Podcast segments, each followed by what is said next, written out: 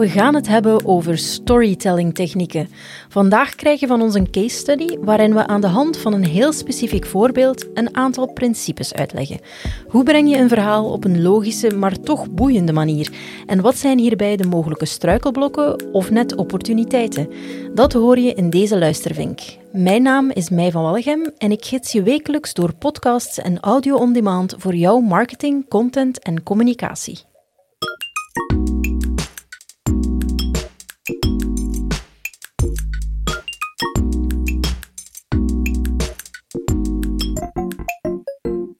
En het voorbeeld werd gekozen door mijn collega Lennart Schoors, die hier weer bij mij in de studio zit. Zo is dat. Uh, vandaag nemen we een aflevering van 99% Invisible. Een uh, heel populaire Amerikaanse podcast over design en architectuur die al, ik geloof, een tiental jaar meegaat. Ja, bij velen wel bekend. Hè? We gaan ons toespitsen op aflevering 405, Freedom House Ambulance Service. Meestal is uh, eh, 99% Invisible een prima, heel goede podcast, maar in deze case study gaan we de inleiding eens proberen te herwerken, want er viel ons iets op. Ja, ik, ik was een tijdje terug aan het luisteren naar die aflevering. Ik, uh, ik geloof dat ik op de fiets zat en na een paar minuten besefte ik dat ik helemaal niet meer mee was. Uh, over, over, wie ging het? Wat was de setting? Het was, het was allemaal mooi gebracht, maar het was zodanig veel informatie. Die kreeg eigenlijk niet echt de ruimte, die, die ging wat verloren. Ja, het werd wel wat verwarrend. Het is uh, best een lang fragment. We zouden die graag laten horen, zo'n 2,5 minuut. Luister toch even mee. Back in the 1960s and 70s in the city of Pittsburgh, there was a nickname for guys like John Moon. the unemployables. Which simply meant that no matter where you went for a job, nobody would hire you. Moon grew up in Pittsburgh's largely black and economically depressed Hill District. In better times, the Hill had its own Negro League baseball team and jazz clubs that hosted Duke Ellington and Louis Armstrong. But by the time Moon was graduating high school in the late 1960s, there was no escaping the neighborhood's unemployable stigma the reputation was there. I don't want to go to the hill because you may get beat up. You have drug addicts and alcoholics, and that same label was placed on myself, and, and I understood that. But just because that was your thought doesn't necessarily mean that I had to live up to it. So Moon was glad to land a well paying job right out of school at the local steel mill, only to discover that the hours weren't as reliable as he had hoped. Next, he was an orderly at Pittsburgh's Presbyterian University Hospital, which provided steady employment but not much else. All I was doing was making beds and taking people back and forth to the operating room and lifting and stuff like that. Mechanical things where you didn't have to think. For a while, Moon tried his best to find meaning in the work. But there was a part of me that said there has to be something more that I can do. Then one night, halfway through the graveyard shift, Moon watched as two men burst through the doors of the hospital. They were working desperately to save a dying patient, and as they rushed by, Moon stood pressed against the wall and wondered, "Who who are these people? What what what are they doing? What what you know, how did they get to be able to do that?" Maybe today he wouldn't bat an eye at this scene, but in 1970, nothing about it made sense. The two men weren't doctors and they weren't nurses, and their strange white uniforms weren't hospital issue. But these guys came in with a certain type of confidence that was just shocking to me from uh, the very point that they came into the room. And they had an emblem on, on, on their breasts that just piqued my interest. The emblem was the two snaked caduceus, the traditional sign of medicine and healing. But just below the familiar symbol was a word John Moon had never seen before paramedic. Oké, okay, tot daar dus die hele inleiding van die aflevering. Een, een zeker een leuk verhaal, tof onderwerp. Maar uh, ja, ik weet niet, mij, weet jij nog over welke stad het gaat? Over welke periode dat het hier gaat? Het was, het was zeer veel informatie ja. ineens. Ja, een beetje een dubbel probleem. Hè. Het zit propvol informatie, maar toch kabbelt het zo wat. Het, is een, ja, het moment dat je een stukje informatie hebt verwerkt, zijn er al twee andere gepasseerd. En ja, een podcast is, is geen roman. De, de, volgorde daarvan is belangrijk enzovoort. Dus ja. ja, voor mij klonk het eerder als een, een goed artikel of inderdaad een roman dan een podcast. Ja. Op zich zit het er allemaal in, maar ik denk toch dat het beter kan. Dus ja, laat ons er gewoon eens aan beginnen. Oké.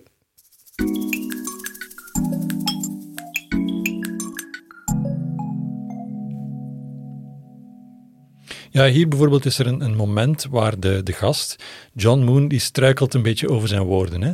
Who who are these people? What what what are they doing? What what uh, you know? How did they get to be able to do that? Ja, dat is, dat is oké dat hij wel struikelt over zijn woorden. Het is normaal ondertussen, hij is een, een oude man. Maar het haalt het tempo wat weg, eh, zeker op dat moment in, in die podcast. Het zou beter zijn voor het verhaal als hij iets, iets gevatter is, ja. Ja, ja, daar kunnen we wel iets aan doen. Hè. Maar waar dat we dan wel heel goed rekening mee moeten houden, is dat bij het verknippen van iemands woorden, het verknippen van een interview, moeten we zeer voorzichtig zijn. We moeten ervoor opletten dat we de woorden niet verdraaien, dat we geen woorden of zinnen in de mond leggen van onze gast, onze journalistieke integriteit behouden, maar we kunnen wel van die gast een betere verteller maken. Dat moet zeker kunnen. Uh, pauzes uithalen, uit- en stopwoorden knippen, zonder dat we de cadans echt volledig veranderen.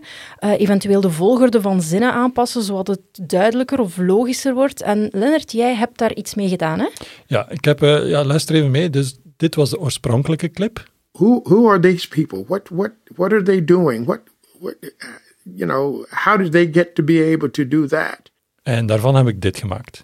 Who are these people? What are they doing? What, how did they get to be able to do that?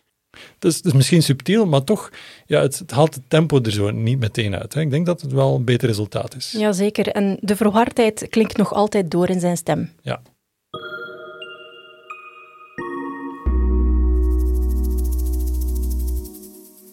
Een stukje dat mij opviel, misschien kunnen we het even laten horen. And jazzclubs that hosted Duke Ellington and Louis Armstrong. Hij doet daar wel wat aan name-dropping. Hij spreekt over Duke Ellington, Louis Armstrong. zijn namen die, die voor mij wel associaties oproepen. Ik denk meteen aan de muziek. Het probleem hierbij is dat die helemaal geen deel zijn van het verhaal dat hij wil vertellen. Integendeel, die personen zijn al geschiedenis wanneer het verhaal zich afspeelt.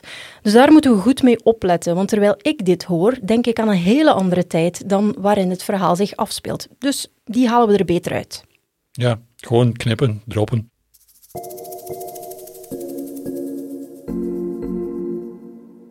Wat mij ook opviel, is dat uh, je spreekt over de jaren 60, 70 in Pittsburgh. Voor mijzelf, ik weet begot niet hoe dat zou moeten klinken. En dan vraag ik mij af, katapulteer mij terug in die tijd. Breng mij naar de jaren 60, 70 Pittsburgh. Laat mij dat horen. Ja, ik heb hier eens even vijf minuten gegoogeld naar uh, muziek uit Pittsburgh uit die tijd. En uh, ik ben uitgekomen bij jazzgitarist George Benson. Die uh, woonde toen in Pittsburgh, die is vandaar afkomstig. En dan heb ik nog even verder gezocht naar het geknipte nummer als achtergrond. En ja, dit is een, een oefening voor ons. Hè. Maar hou er zeker in rekening mee dat uh, als je muziek gebruikt met copyright, ja, je moet zeker in orde zijn met, met je licenties enzovoort. In dit geval is het een, ja, een oefening met fair use. Ik denk wel dat dit even kan. Ja, en er is dan nog iets. We hadden het daar net al over, of jij had het erover, dat het soms wat kabbelt. Uh, voor mij viel dat voornamelijk op als hij het heeft over de twee mannen die het hospitaal binnenkomen en die stormen binnen met een stervende patiënt. Maar op dat moment kabbelt het zo voort dat ik dit niet voel. Dus eigenlijk weer opnieuw, laat mij dat horen, laat mij dat voelen. Misschien met wat geluidseffecten, we kunnen er misschien wat meer op tempo, dat je het, de adrenaline uh, voelt razen. Um, dat is zeker meer werk, absoluut, maar we hoeven daar ook geen uren in te steken. En volgens mij zal het resultaat daardoor een pak boeiender klinken en tegelijkertijd ook meer blijven hangen. Wat denk je? Ja, ik zou me voorstellen dat we eens uh, meteen hier op zoek gaan. Ja. Uh, ik zoek hier effecten over uh, ja, ziekenhuizen. Ja, we hebben er dus wel even aan gewerkt, maar voor we je het eindresultaat laten horen, nog even herhalen. We hebben ons gefocust op het tempo. We hebben een betere verteller gemaakt van onze gast. We hebben irrelevante dingen gesnoeid. Vooral hebben we de voice-over aangepakt en opnieuw ingesproken. En dan hebben we ook geprobeerd om wat meer sfeer te scheppen. Daarvoor hebben we muziek gezocht en geluidseffecten toegevoegd. Laat ons even luisteren naar het finale resultaat. 1970.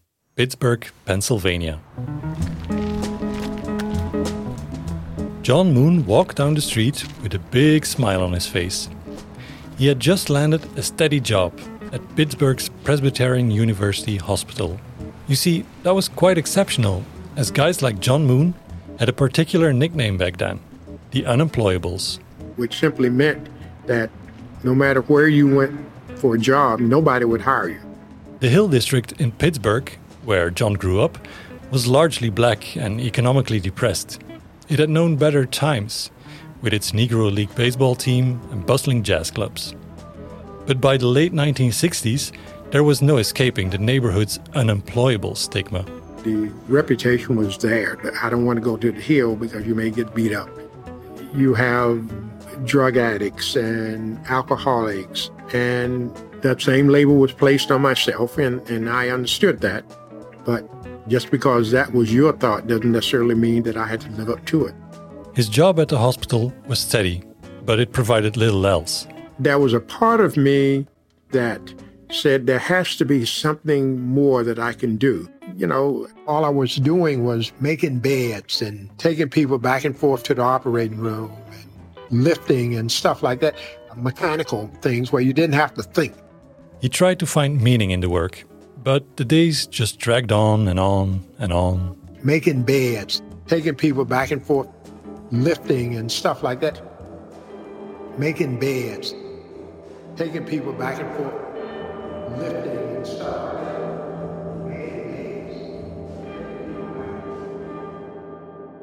Until one night.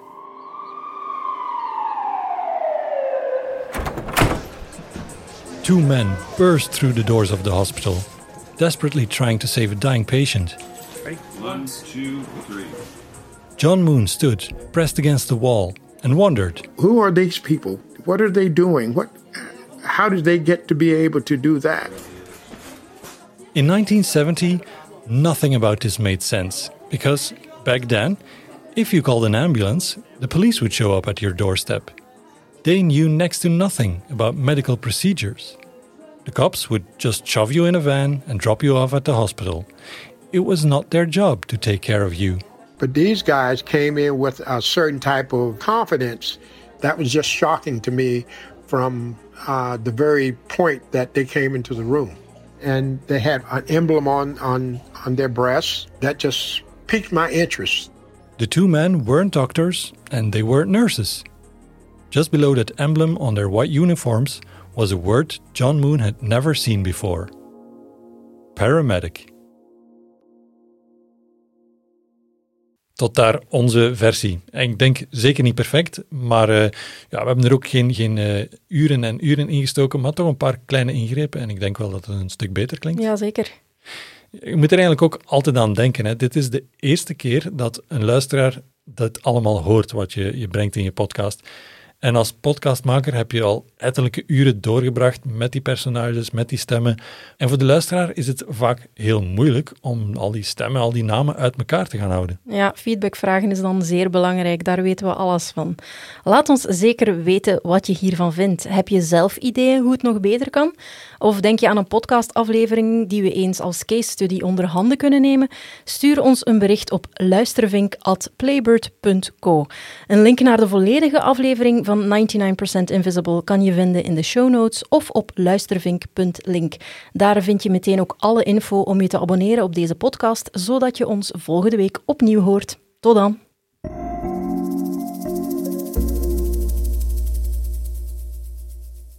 Luistervink is een productie van Playbird. Wil je samen met ons de oefening maken om ook jouw verhaal te vertellen? Dan doen we dat heel graag. Playbird.co. Wij laten jouw verhaal weer klinken.